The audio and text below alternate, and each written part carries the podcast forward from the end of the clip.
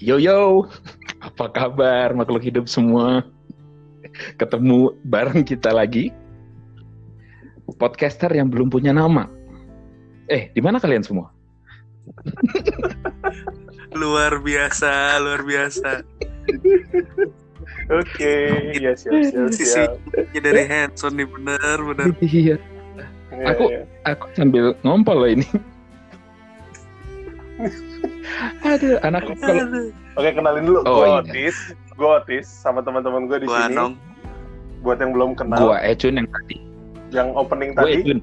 Nah yang opening tadi Ejun, kalian kalian tahu kita nunggu 15 menit buat dia cari opening yang tepat seperti apa.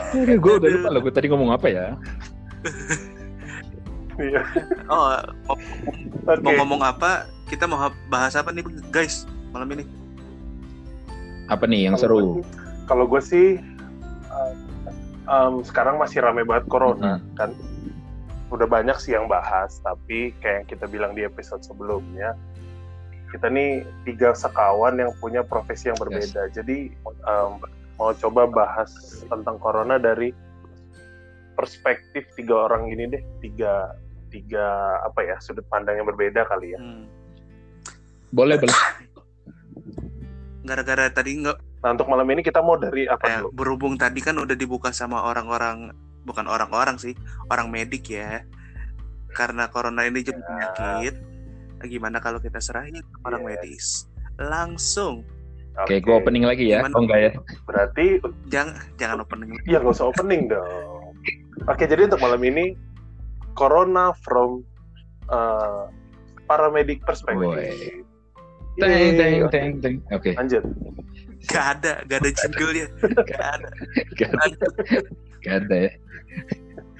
Dulu maaf ya teman-teman ini baru mulai namanya juga jadi masih limited. Oke jadi gini nih pertanyaannya gini. Em, kalau melihat eh, apa namanya berita-berita kan banyak tuh eh, para medis yang eh, apa namanya ya sangat sangat eh, berkorban di rumah sakit ya. Nah dari sisi para medis ini sendiri yang sehari-hari ada di rumah sakit ceritain dong pengalamannya gimana ya kelihatan gimana pengorbanan yang mereka lakukan apa sih yang sebenarnya em, terjadi di rumah sakit itu gitu loh. BTW jangan ceritain tentang coronanya lagi ya. Kayaknya kita udah bosen deh dua bulan ini ngebahas corona-corona. Tahu mulu. lah ya pasti ya. Tapi kita ah. Betul. tapi kita ngeliat dari tempatnya aja berdasarkan medik apa sih yang terjadi gimana? Ya, Betul. langsung aja nih. Hilang. besok Oke, aja pak yo yo yo, selamat malam. Oke. Pertama, gue mau yakin kalian dulu bahwa gue memang medik ya. Jadi eh, supaya apa yang keluar dari kata-kata gue, mesti diyakinin karena kadang gue nggak yakin juga. kayaknya orang nggak percaya ya. Iya. Pertama, yakin dulu ya, gue medis dan gue masih medis ya. Walaupun gue berkecimpung banyak juga di luar medis, tapi soal penyakit khususnya wabah kayak gini, kita pelajarin dan kita sama-sama em, terlibat gitu. Sebenarnya secara langsungnya sih nggak langsung terlibat. Gue sehari-hari gue jaga pasien untuk jaga pasien corona, tapi eh, ruang lingkup gua yang adalah teman-teman sejawat gua, teman sejawat tuh teman-teman seprofesi gua dan juga kakak kandung gua sendiri memang adalah eh, perawat khusus untuk jagain eh, orang pasien, Pasien corona, corona, ya. khususnya di ICU eh, apa pasien corona yang udah dalam fase eh, kritis gitu. Jadi gua kritis Ya, oh, see. jadi gua gua lihat bahwa kondisinya sekarang em, yang tadinya kalian udah tahu lah backgroundnya masing-masing, mungkin Anong Otis udah bisa lihat gimana media memunculkan arti si corona, bagaimana penyebarannya atau sekitaran kita atau pemerintah kita gitu misalnya. Eh, kenyataannya di rumah sakit khususnya untuk rumah sakit-rumah sakit yang bisa untuk nanganin corona dia tuh uh, masih sangat-sangat kewalahan. Kenapa bisa begitu? Oke. Okay. Awalnya kan sudah jelas bahwa masker-masker pada hilang ya gitu ya. Terus sarung tangan sarung tangan medis ya, pada benar. hilang gitu ya. Ke mana nih gitu? Yang kemarin wow, viral, ya. Yang kemarin viral APD dipakai belanja ya. Belanja bro ke pasar pakai hazmat itu pakai yang kayak hazmat iya, iya, itu dia di kangkung iya. bro. Itu dia pakai hazmat. Bayangin ada yang di rumah sakit untuk ketemu sama pasien corona langsung dia baru pakai jas hujan karena adanya baru itu gitu. Karena sebenarnya mm. distribusi mm. si hazmat ini, hazmat itu adalah APD yang paling baik, yang terupdate lah untuk virus ini. Gitu. Okay. Itulah ibaratnya level yang paling uh, tinggi. Ya? Baru itu yang paling baik dengan uh, resiko penularan tetap ada. Jadi Oke, okay. jadi walaupun udah pakai resiko tetap ada resiko tetap ada ya? tapi itulah latestnya gitu yang paling uh, baik sampai saat ini dan hmm. hazmat yang dipakai sama kita khususnya di Indonesia itu tuh masih yang dari uh, langsung dari Cina sana dari Wuhan sana langsung itu hazmat dipakai okay. barulah generasi kita yang sekarang nih baru yang momen-momen sekarang ini sebulan setengah belakangan ini baru diproduksi belajar orang-orang Indonesia untuk belajar produksi gitu. gitu. Oke, okay, gitu. Berat, berat banget masih tantangannya. Ya, iya ya. Jadi dari dari supply pun masih banyak yang kurang ya di rumah sakit. Masih, masih. Masih oke. Okay. Nah dari ini sendiri apa namanya uh, fasilitas, contohnya ruang isolasi atau ruang sterilisasi, itu gimana tuh kalau di rumah hmm. sakit? Secara luasnya sebenarnya kita harus sama-sama uh, tahu dulu bahwa yang bingung tuh bukan cuma negara kita gitu. Ini secara global, secara dunia hmm. tuh sebenarnya bingung semua. Nanti menyentuh tuh hmm. ke area-area kalian, area otis, area anong tuh akan kena semua juga. Dan di medis sendiri, sebenarnya para petugas medis tuh sebenarnya juga ada dalam posisi, wah kita harus bagaimana? Dan itu seluruh petugas medis di dunia gitu bukan cuma Indonesia doang. Dan itu, uh, itu yang terjadi itu harus kayak gimana? Tapi itu makanya banyak hal-hal yang diupdate gitu. Yang tadinya mereka yang penting uh, pakai masker pakai sarung tangan ternyata kita nggak tahu bahwa penularan itu bisa lewat mata bisa sampai ke mulut mata, uh, dan ya. lain-lain. Dan ternyata harus pakai face shield itu harus pakai penutup mata juga kayak perisai pakai plastik gitu ditutupin di mukanya lain-lain. Hmm, ya, ya, uh, dan itu ternyata nggak dari awal banget gitu. Dan itulah pergerakan-pergerakan itu yang membuat sebenarnya uh, sampai sekarang lah baru lebih baik secara pengetahuan dan uh, kalau soal uh, APD APD itu uh, kayak si si, si si apa tuh si hazmat itu sendiri itu masih butuh banget sebenarnya di rumah sakit rumah sakit mana pun. Dan itu kenapa ada kan rumah sakit rumah sakit yang apa sih dibuat secara khusus tuh kayak di wisma atlet dan lain-lain. Karena menandakan hmm. bahwa apa? Sebenarnya Indonesia sendiri pun itu tuh bisa dikatakan diawali dengan ketidaksiapan. Dan pada dasarnya secara global semua yes. tidak siap gitu dan berarti masih banyak yang ini ya prosedur itu trial dan error juga Benar. ya. Kayak tadi lo ceritain kalau awalnya belum pakai uh, face shield sekarang jadinya pakai gitu ya misalkan contoh salah satunya. Ya ya ya. Karena solusinya juga belum ada kan sebenarnya. Hmm. makanya masih error ke mana-mana juga. Baru preventif berarti yang bisa dilakukan ya. hmm. gitu. Dan preventifnya pun berkembang. Oke. Nah tapi lu nggak lo, nanya nong nanya nong. lo lo ngerawat ini gak sih? Ngerawat uh, pasiennya langsung gak sih? Ada oh. soalnya beberapa yang mau gue tanya ini sebenarnya. Hmm. kalau secara langsung benar-benar langsung sih enggak. Cuma ya tetap kita di bidang medis tuh kan kita nggak bisa pilih pasien ya. Kita nggak tahu. kita nggak bisa tahu hmm. dia sudah terpapar atau enggak. Atau saya ternyata adalah hmm. kamu tuh gitu. Anak-anak Jakarta kayak Anong Oti Iya. adalah sebenarnya orang-orang yang sudah sembuh gitu. Kita nggak tahu men. Ini Nah, Oh, Jadi Ah, carrier ruang ya? lingkupnya adalah kita tahu sudah 17.000, sudah 18.000 atau berapa. Itu tuh yang meninggal sudah Mhm. 1000 berapa. Itu tuh semua yang yang lebih banyak yang bergejala sehingga dia melaporkan dirinya untuk diperiksakan atau tetangganya ngerasa bahwa oh dia udah sakit tuh kayaknya coba diperiksa. Itu yang orang Iya. akhirnya Iya, iya. punya eh, punya inisiatif untuk periksa atau diperiksakan. Yang belum kita nggak tahu. Oke. Itu dia. tapi kan lu tadi bilang kakak lu kan eh, ngerawat langsung pasien COVID lah ya. Yes. Ah, itu gue sendiri pun agak merinding ya karena gue pun Hmm. em, kesehatan gue sempat dipertanyakan Mhm. Karena batuk-batuk terus. Sedangkan batuk gua itu sebenarnya karena alergi sih Di sebenarnya masa corona ini ya, Nong? Cuman, iya di masa corona ini. Jadinya gue dipertanyakan cuman kan untuk gue belum cek sebenarnya. Cuman gue tahu karena batuk gua itu sebulan sebelum corona ini datang ke Indo. Nah pertanyaan gue ini sebenarnya ke arah gimana dengan em, ngelihat kayak kakak lu kan ngerawat langsung. itu gimana sih? Maksudnya ke rumahnya apa bisa pulang ke rumah atau emang bener-bener nggak boleh pulang gimana gitu Oke. Kalau soal kayaknya ngeri banget Betul.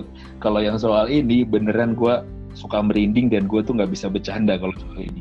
Dan kenyataannya mereka dari kakak gue ditawarin antara ditawarin dan juga tugas gitu ya.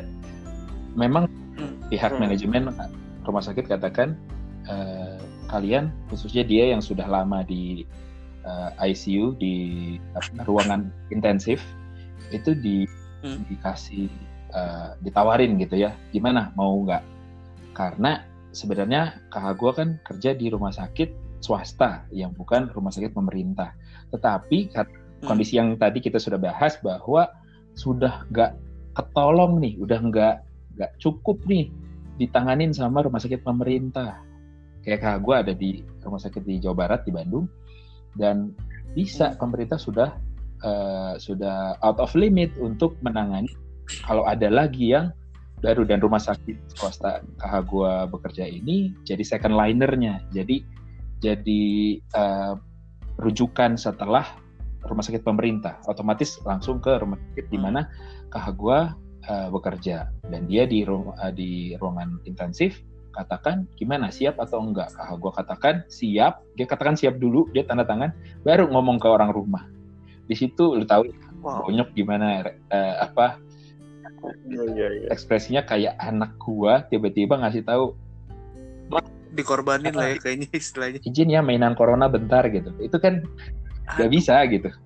Itu kan berat banget Iya, iya, sebenarnya. iya, iya. dan dia udah kata gitu. Tapi mungkin dari kakak lu juga panggilan tugas itu kali nggak bisa ditolak ya dari hatinya. itu kali. yang sebenarnya gue pengen sampaikan ke kita kita kita sebagai temenan ya di sini tapi gue sendiri juga di bidang medis sumpah perawat itu sama kayak orang dokter juga ada sumpah dokter itu nggak main-main gitu sebenarnya ya Hmm. apa yang lu sumpahkan, apa yang lu janjikan di sumpah dokter atau sumpah perawat lu adalah momen-momen seperti ini, di mana Ya, lu ya. harus meninggalkan segalanya sebenarnya untuk lu mengemban tugas yang memang lu sudah sumpahkan, dan itu yang akhirnya dijalani sama kakak gue.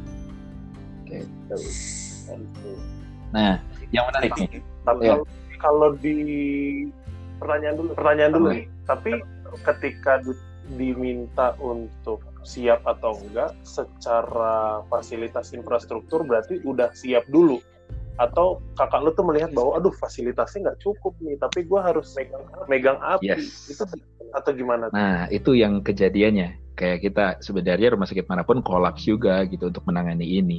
Dan kondisinya waktu itu belum waktu ditawarin ini belum ada pasien satupun yang masuk ke rumah sakit swasta tersebut di mana kakak gue bekerja tapi eh, kondisinya OTW gitu ditawarin nanti bantuan Oke. akan datang gitu loh ngerti ya I see. itu itu sesuatu hal yang buat aku gue sendiri kalau yang di ditanyain begitu gue banyak tanya dulu nih baru, baru kita iyain gitu kan ya dia Iya, betul. Iya betul. Memastikan kesiapan yes, dulu ya. gitu karena kita tahu sendiri bahwa di luar negara kita itu udah banyak banget bahkan yang cuek juga mendapatkan hasilnya yang banyak juga orang kena jadinya gitu nah Iya, iya, kejadian betul, lah betul. di negara kita dan kakak gua akhirnya eh, mengiyakan gak lama dari mengiyakan puji Tuhannya masih ada eh, bantuan hazmat itu atau si APD alat pelindung diri APD. yang eh, memang standar tapi sangat terbatas jadi memang dalam kurun waktu satu shift sekitaran 8 jam 8 jam itu satu shift yang normal ya. Tapi kalau di perawat tuh ada kayak overrun. Overrun tuh antara shift eh, lama ke shift baru kasih tahu nih kondisi pasien begini harus diginiin rencana mau gini target segini gitu ya. Baik di awal maupun di akhir shift. Berarti bisa dibilang dia sekitaran 8 sampai 10 jam itu pakai si hazmat itu. Hazmat itu sendiri lapisannya lumayan pro lah intinya. Matanya dipakai ada face shield lagi ada kacamata juga ada berapa lapis baju biasa baju kayak baju pasien gitu terus baju hazmat terus ada pakai penutup kaki lagi pokoknya banyak lapisannya. Dan sorry to say mereka harus pakai pampers bro karena mereka nggak bisa eh Iya. BAK BAB Kamu buka itu ya. buka karena itu dia langsung setelah buka dia langsung kehilangan sekitar 500 600 700 ribu lah sekali pakai si hazmat tersebut gitu gue ngerasa gerahnya sih minum? gimana untuk, Untuk makan atau atau ma- makan minumnya minum. gimana? Em, untuk makan otomatis mereka nggak makan tapi kalau minum mereka usahain memang untuk minum dan makan sebelum eh, shift kenyataannya sepanjang satu shift berapa lama? sekitaran 8 jam harusnya. Minimal ya. Minimal 8 sampai Wow. 10 jam ya. Itu nyokap mikirnya aduh kasihan panas. Setelah dia tahu bahwa anaknya eh, harus pakai pampers dia udah gede dong ya.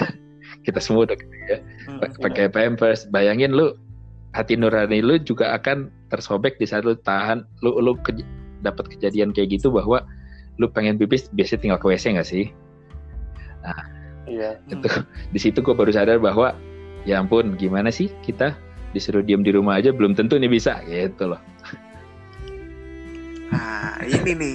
Ini yang gue mau nanya nih. Gitu. Tapi berhubung berhubung tadi gue gue dengar ada tentang APD Mhm. gitu. Apa deh ya? Gitu terus iya. Gue ngerasa panas sih sebenarnya karena gue pernah ngerasain cuman pakai ini masih zaman corona sekarang ini. Gue pakai sarung tangan latex aja seharian pas kerja cuman gara-gara mau fotokopi sama ngeprint doang. Itu panasnya buset. Ampun dah. Iya benar. Dan tadi udah sempat ngomong-ngomong yang ini keadaan sekarang ini. Gue langsung ngomong lah. Gimana kalian para perawat ini menyingkapi yang lagi famous sekarang ini? Hashtag terserah kalian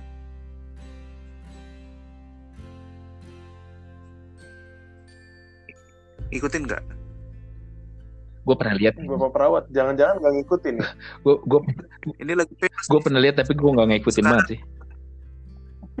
Ah, Ya, tapi Ini jadi intinya gini, intinya gini dari sudut pandang perawat melihat orang-orang yang cuek. Ah, tidak mengikuti anjuran, Ya. Mhm. ya kan, lebih mementingkan kepentingan. Ya. Itu eh, dari perasaan kalian gimana? Perasaan dari seorang medis yang bahkan keluarganya pun bersinggungan langsung dengan pasien positif Hmm. corona COVID-19 ini. Hmm. Gimana?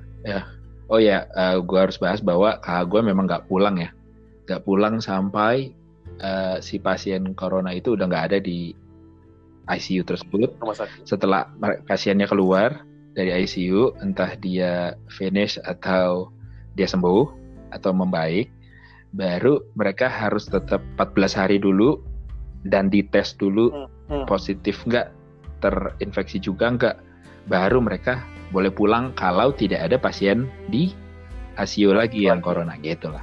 Itu eh, prosedur Kalau ada lagi, kalau ada lagi ya nggak pulang, pulang-pulang terus. nggak gitu. pulang, nggak pulang. Dan Nah, nah, selama ini udah berapa lama nih belum pulang?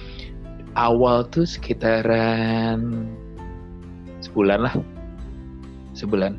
sebulan. Terus pulang. Ya baru pulang. Terus sekarang dia lagi lagi di sana lagi.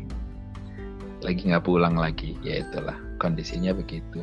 Nah kalau tadi pertanyaan nah pertanyaan tadi? Nah, pertanyaan tadi gimana sih sudut pandang kita tentang orang-orang yang uh, memutuskan lah. Itu kan uh, putusan pribadi ya bahwa ya, mereka ya. tidak sudah karena kalau masalah arahan pemerintah, arahan RT RW atau spanduk-spanduk tuh gila salut gua apa ya. gang ditutup dan setiap gang tuh ada wastafel bro itu gue salut banget sebenarnya kalau di bidang medis ya. itu pemandangan yang paling indah karena sebenarnya orang-orang menjaga kebersihan dan ya. sebenarnya bukan cuma bukan cuma corona jadinya gitu lu muntah ya, kena juga lu gak akan kena virus flu batuk yang lain juga otomatis juga bisa uh, membuat lu terhindar dari itu gitu ya. Itu pemandangan yang indah banget iya, iya. buat tim medis. Dan di saat kita melihat yang begitu kayak di dekat rumah gue nih ada kayak ada kayak tempat makan nongkrong-nongkrong warkop-warkop gitu. Itu sepi banget pas PSBB. Pas masuk hmm. uh, di sekarang udah masuk ke Ramadan ya. Masuk ke Ramadan hmm. agak sore waktu gue lihat bahwa gila. Lebih ramai dari waktu sebelum tahun lalu lah, akhir tahun lalu gitu. Gue rasa bahwa gue percaya bahwa kita semua tuh udah pengen banget dapat udara bebas gitu. Dengan versi iya, iya. kita pengen banget hangout sama teman. Kita pengen banget hanya ke minimarket depan doang kok atau hanya pengen ke mall terdekat di rumah gua kok. Gue pakai tetap deh pakai masker. Gue tahu keadaannya sekarang kalau dulu tuh ada tuh orang yang kalau pakai lengkap-lengkap kayak dia pakai uh, sarung tangan ya, sarung tangan bukan yang medis tentunya ya, sama masker yang bukan medis. Mm-hmm. Kita bilang apa tuh? Ih, so si tangan lebay, lebay. lu, lebay banget sih lu gitu. Bahwa kita nggak bisa bilang gitu lagi sekarang. Iya. Kita bisa, bisa bilang lebay dengan hal yang tadi ya. Kalau dia pakai hazmat ke pasar Ciroyom gitu ya, ya itu jelas. Kalau dia pakai udah jelas kan masker bahkan uh, kayak ada beberapa pemimpin-pemimpin daerah katakan bahwa gunakan masker kain karena masker medis hanya untuk tim medis. Uh, dan akhirnya itu tuh skakmat juga tuh buat penumpuk-penumpuk. Ini sorry banget gue bilang makan tuh gitu. dan, bener. Eh, lo bawa sumpah serapa juga nggak masalah kok karena, di sini. Keluarin, keluarin. Karena gue gue di daerah Bandung ya, ada Bandung ke atas ke arah Parompong sana, Borma tahu ya Borma ya. Burma Setia Budi hmm. namanya. Jadi di seberangnya gue pernah mau ke sana dan gue lihat itu banyak banget yang jual masker. Gue sebenarnya seneng banget. Kenapa? Karena gue butuh sebenarnya. Gue datang, gue hmm. datang dan gue yakin bahwa salah satu dari mereka adalah orang yang berhubungan dengan apotek atau berhubungan dengan rumah sakit gitu. Karena ID card mereka tuh muncul di dekat celana mereka gitu. Sayang banget gitu dan gue gedek banget. Berarti ini kan gue bertemu dengan sejawat gue gitu. Dan gue tanya, yeah, yeah, yeah. Uh, ini berapaan? Uh, oh, ini yang lima biji aja kang. Ini mah murah. Uh, sorry, empat biji. Berapa ini? Seratus ribu bro. Empat lembar. Oke. Okay. Empat lembar uh, masker sekali pakai. Seratus ribu. Oh oke, okay. gue masih oh. Habis itu gue tanya kalau yang satu box ada. Oh ada ada. Ada ini berapa? Dia sebut mereknya, merek yang selama ini itu kalau di rumah sakit biasanya ini dipakai yang nggak terlalu steril, jadi bisa dipakai sama siapa aja gitu. Ini berapaan? Oke. Okay. Isi 50 biji. Ini berapaan? 600 ribu. Gue mau menangis di situ. Antara gue mau menangis dan gue pengen jambakin satu-satu gitu. Waktu, Padahal yang jualan ini menggunakan ID yes, medis. Yes, yes, yes, yes. Yes, gitu. Ber berarti dia oke, okay, oke. Okay. Perspektif yang lebih lebih lagi kan gitu. Itu masih dugaan yes, yes, gue ya, yes. masih dugaan gue. Tapi karena kita anak medis kelihatan banget sih setelan apalagi kalau ada ID kita tahu ID apa itu ya jadi gue menduga anggaplah yeah, gue yeah. menduga menduga seperti itu dan gue tanya ini berapa 600 ribu oh ini ada yang lebih murah 300 ribu dan itu adalah sarung eh sorry sarung tangan apa masker sekali pakai yang dicuci ulang sama mereka. Okay. Dan lu tahu itu harga masker bekas. Yes, dan lu tahu itu harganya berapa? Tiga ratus ribu. Ya kan bapak tadi udah bilang. dan Nah, enggak 600 ribu tuh yang yang 600 ribu tuh yang Iya, iya. Tadi udah bilang 300. Iya, tadi oh, udah bilang ya tadi udah Udah dipindah bilang. 300. udah bilang Ini Bapak lelah nih. Anda kalau emosi jangan cepat lupa. Buat Anda para tenaga medis yang menjual-jual barang itu dengan mahal, eh sadar kalian Udah semua, sadar. Ya, tapi, Udah tapi sadar. sekarang harganya udah normal kan ya? sekarang sudah me- mending lah kalau dibilang dengan kebutuhan Sudah ya. Sudah sangat mending. tinggi sekarang sudah paling mending walaupun nggak bisa sama seperti sebelum corona gitu Betul, betul, betul. Karena nggak bisa Tapi ini jadi new normal buat kita. iya ini normal Iya, nggak bisa dipungkiri secara supply pasti kan berkurang, wajar harganya naik. Hmm. Tapi tidak Betul. seperti harga yang kemarin kan, itu kan gila-gilaan sengaja gitu. Eh, tapi- tapi gue agak-agak ngasih tahu fakta boleh ya agak-agak uh, nyombongin daerah gue boleh ya di di Jawa Barat khususnya Pak Ya. Pak Ridwan Kamil tuh dia betul-betul di Februari Maret dia jadi berani untuk jadi host atau jadi tuan rumah untuk pembuatan medis untuk disalurkan 60% seluruh Indonesia. Dan itu sudah terjadi sudah tercapai. Makanya semua yang penumpukan-penumpukan ini gigit jari. Dan kalau lu lihat Iya, sekarang iya. buka apa sih eh, apa sih gue udah mau sebut merek lagi. Apa sih warung media atau apa pun gitu ya. Eh, itu semua nunjukin bahwa jual rugi, jual rugi, jual rugi dan gue seneng banget liatnya. Iya, iya, iya. Tunggu, iya. lu mau nyombong. Hmm? Lu nyombong Pak Ridwan sih, Kamil. gua gua, Gubernur. gua ngasih tahu Nah. fakta sih, tapi ya boleh lah dibilang sombong juga boleh. Eh, itu gubernur kami berdua Oh, juga, iya. Iya, Bapak. Oh, iya. Kan saya di Bekasi. Oh Bekasi, bener. Aduh welcome, aduh Jawa Barat, eh. enak ya Jawa Barat ya. Eh, sudah sudah tidak bahas politik di sini. Iya iya. Terlalu banyak yang tersenggol nanti Ya, jangan-jangan. maksudnya disyukuri, disyukuri. Itu mau tahu Ya, fakta. dan akhirnya ya, ya bagusnya lebih eh, dapat nih rumah sakit rumah sakit nggak sewas-was beberapa waktu yang lalu. Iya, iya. Dan berarti maksudnya gini ya, kita lihat bahwa uh, orang-orang yang panic buying, mass paranoia, ketakutan berlebihan itu sangat berpengaruh ke treatment itu sendiri gitu ya. Hmm. Kalau misalkan orang membeli barang-barang yang sebenarnya dia nggak butuh, tadi APD, sarung tangan, masker, kebutuhan-kebutuhan medis, Mm-mm. Iya, itu mengganggu ke proses treatment yang ada di rumah sakit atau mungkin orang-orang yang parnoan, ketakutan, Mm-mm. membanjiri rumah sakit, pengen dites, pengen apa. Padahal kan kalau nggak salah alat tesnya juga terbatas ya. Terbatas. Kalau sekarang sih kondisinya udah di open sih, udah open ke semua. Oh, Karena udah lumayan banyak. gue mau kasih tahu lagi juga di Jawa Barat. udah iya, Bapak kan tinggal di Jawa Barat. iya, gue mau kasih tahu maksudnya. Makanya di Jawa Barat ini salah satu yang duluan bahwa kampusnya mereka emang eh, kayak di ITB juga nemuin bahwa eh, alat tes ini bisa dibuat dengan harga yang lebih murah.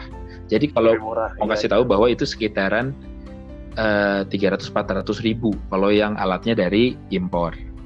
Nah, Hmm. kita bisa dapat dengan harga sekitaran 100 ribu lah. Walaupun belum bisa dibilang murah banget, tapi udah sangat terjangkau dibanding dengan harga yang sebelumnya saya bilang tadi. Nice. Hmm.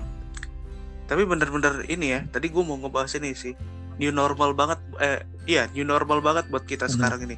Karena kita jadi lebih lebih aware dengan kesehatan, Tuh. kebersihan. Tuh. Yang dulunya saya suka eh, nggak cuci tangan habis ngapa-ngapain jadi suka cuci Iya, tangan. Ngapain tuh? Esa Nanong gue inget, gue inget pagi Ngapain tuh? tidur gue tahu, lagi ti- Iya. nyari ngantuk gue tahu. Iya, benar. Pokoknya tangannya hilangnya ke area mana tuh kita udah tahu lah ya. Bunyi, Gak jauh-jauh dari area situ Tahu. gitu ya. bunyinya gue tahu lagi. Kenapa gue bahas ini ya? Salah. Kan nggak bilang. Pokoknya kita udah tahu aja. Tangannya di area mana, sebelah mana itu kita udah tahu lah. Bener. Hilangnya ke mana. Aduh, Fotonya masih ada kalau gue cari-cari lagi. habis itu abis itu dicium ya. kalau gue sih gue masih sih. Kalau itu gue masih. kalau itu gue jujur gue masih. Istri gue aja gedek liat gue gitu.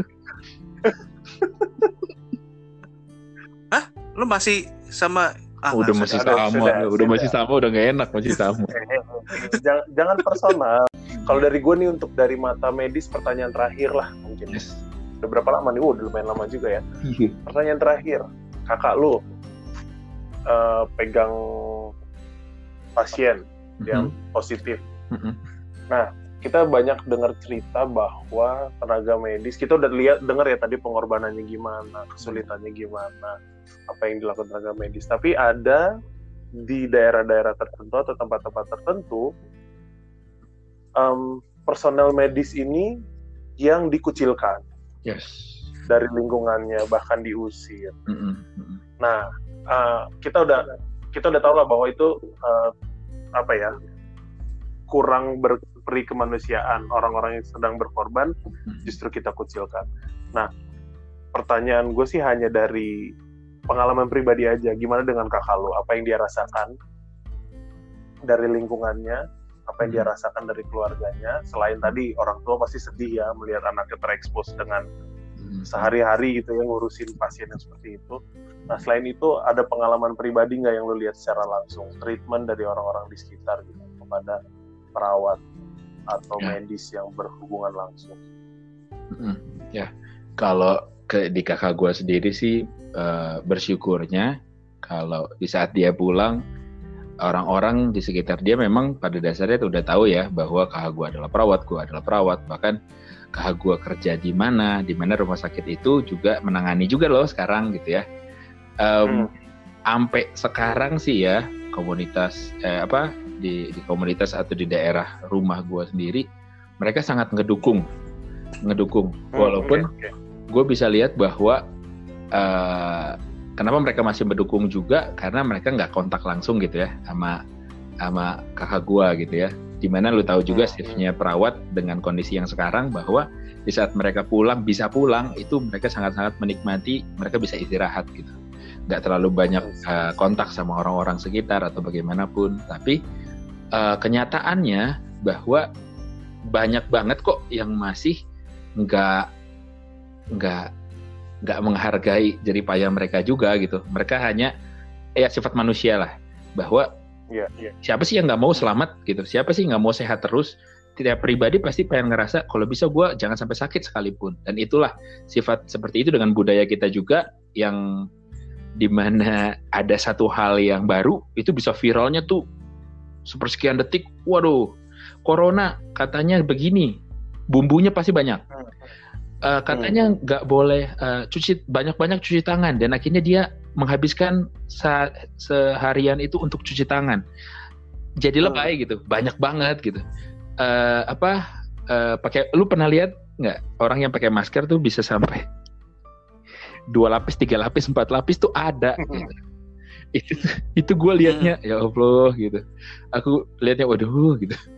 Itu kan panas pasti. Dan apa sih yang Tiga dikhawatirkan segimananya sih pengetahuan dia tentang itu gitu? Tiga lapis tapi nularnya lewat mata ternyata. Di- ternyata. Bener. Gitu. Dan itulah yang terjadi. Dan eh, kayak sampai ada yang nggak diterima di saat dia sudah berusaha untuk eh, membantu orang lain di bidang medis dia akhirnya kena juga bahkan dia meninggal dan tidak diterima untuk dikuburkan. Itu kan itu sedih banget sebenarnya. Bahkan yang bahkan yang eh, tidak boleh masuk ke rumah ibadah atau apa pun gitu ya padahal dia memang rumahnya dekat rumah ibadah di eh, dekat rumahnya gitu. Itu nggak boleh. Kenapa? Kamu bawa virus dan lain-lain. Cuma mau bilang bahwa informasi yang sekarang yang sudah ada dari pemerintah itu udah bener-bener jadi patokan kita kok. Gak usah terlalu banyak juga lihat video sana sini tuh berseliweran tuh kayak di orang tua orang tua kita tuh sering banget. Eh eh, Iya, ini dulu eh, ganti bajumu. Sehari harus lima kali ya bukan gitu gitu. Grup grup Tapi- keluarga ya Eh, eh, biasanya. Tuh. biasa grup keluarga. Mari kita sadari bahwa kalau namanya kita keluar dari rumah mari kita tetap keadaan bersih kembali lagi ke rumah kita tetap nggak Iya. langsung laya-laya di di tempat nonton Kasur. TV atau kasur gitu kita tidur. bersihin dulu semua taruh baju kotor namanya kita dari luar kita nggak tahu kita bertemu dengan corona atau enggak kita Iya, iya. pastikan kita bersih gitu oke Oke. udah berapa lama nih Wow, udah lumayan Wow. lama ya. Jadi eh, seru juga pengalamannya. Nggak tahu juga mungkin ini sudut pandang yang baru buat teman-teman atau enggak. Atau mungkin ternyata sama aja. Tapi yang pasti kita mau coba bawain pembahasan ini dari eh, sudut pandang yang dekat sama kita, yaitu teman kita di sini Ejun, yang dia memang orang medis, cerita langsung. Mungkin ada juga yang udah share hal yang sama. Kita mau bikin bagaimana apa ya pengorbanan dari eh, para medis kita, bagaimana eh, tingkah laku kita juga berdampak gitu ya pada proses treatment itu sendiri gitu. Em, setidaknya kita bisa bantulah dengan cara menjaga kesehatan diri sendiri, menjaga jarak, menjaga dulu aktivitas di luar dikurangi dulu gitu ya. Hmm. Oke. Karena ingat ini bukan buat diri kita sendiri aja, tapi buat orang yang ada di sekitar. Kalau- benar-benar mau rindu kita bisa kembali lagi dapat kebebasan yang lebih dari ini. Wah, Oke. gila men. Kapan lagi rambut rambut Mantap. saya sudah panjang. Lah pot, pot Bapak tahu giring niji? Ya kurang lebih begitulah rambut saya sekarang. Kalau giring niji kan keren ya. Kalau saya mungkin aduh, Bapak kan semi. Semi. Aduh nanti satu episode nyanyi Bang Semi nanti. aduh. Oh, hanya cover-cover aja gitu ya. Satu episode Iya. nanti gak usah ngomong ya. gitu.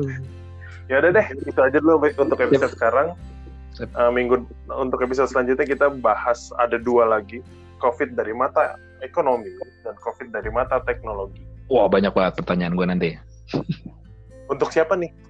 Ah, jangan. Jangan dong. Gue bukan ekonomi Ya, nih. intinya kita share ilmu yang kita tahu lah dari sudut Yes. pandang kita, perspektif kita gitu ya. Ya udah. Oke. Terima. Terima kasih semuanya yang udah dengerin juga. Kalau ada yang dengerin. Ada dong. Minimal kita bertiga dengerin kan. Banget. Oke, eh anak optimis. istri gue dengerin. Minimal ya. Dipaksain gitu ya. Anak istri lu, anak lu Dengerin. dengerin. Kan Ngerti yang penting enggak. denger dulu bro. Oh dia, iya udah dia far- farming account si Ejun. Farming account dia beli 20 account Spotify.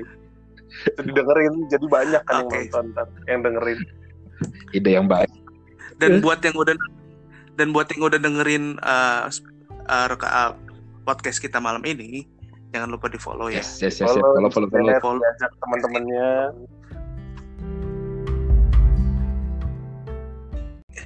Tapi ngomong-ngomong ya, ngomong-ngomong tadi sempat lu bahas Yes. juga tis Hmm.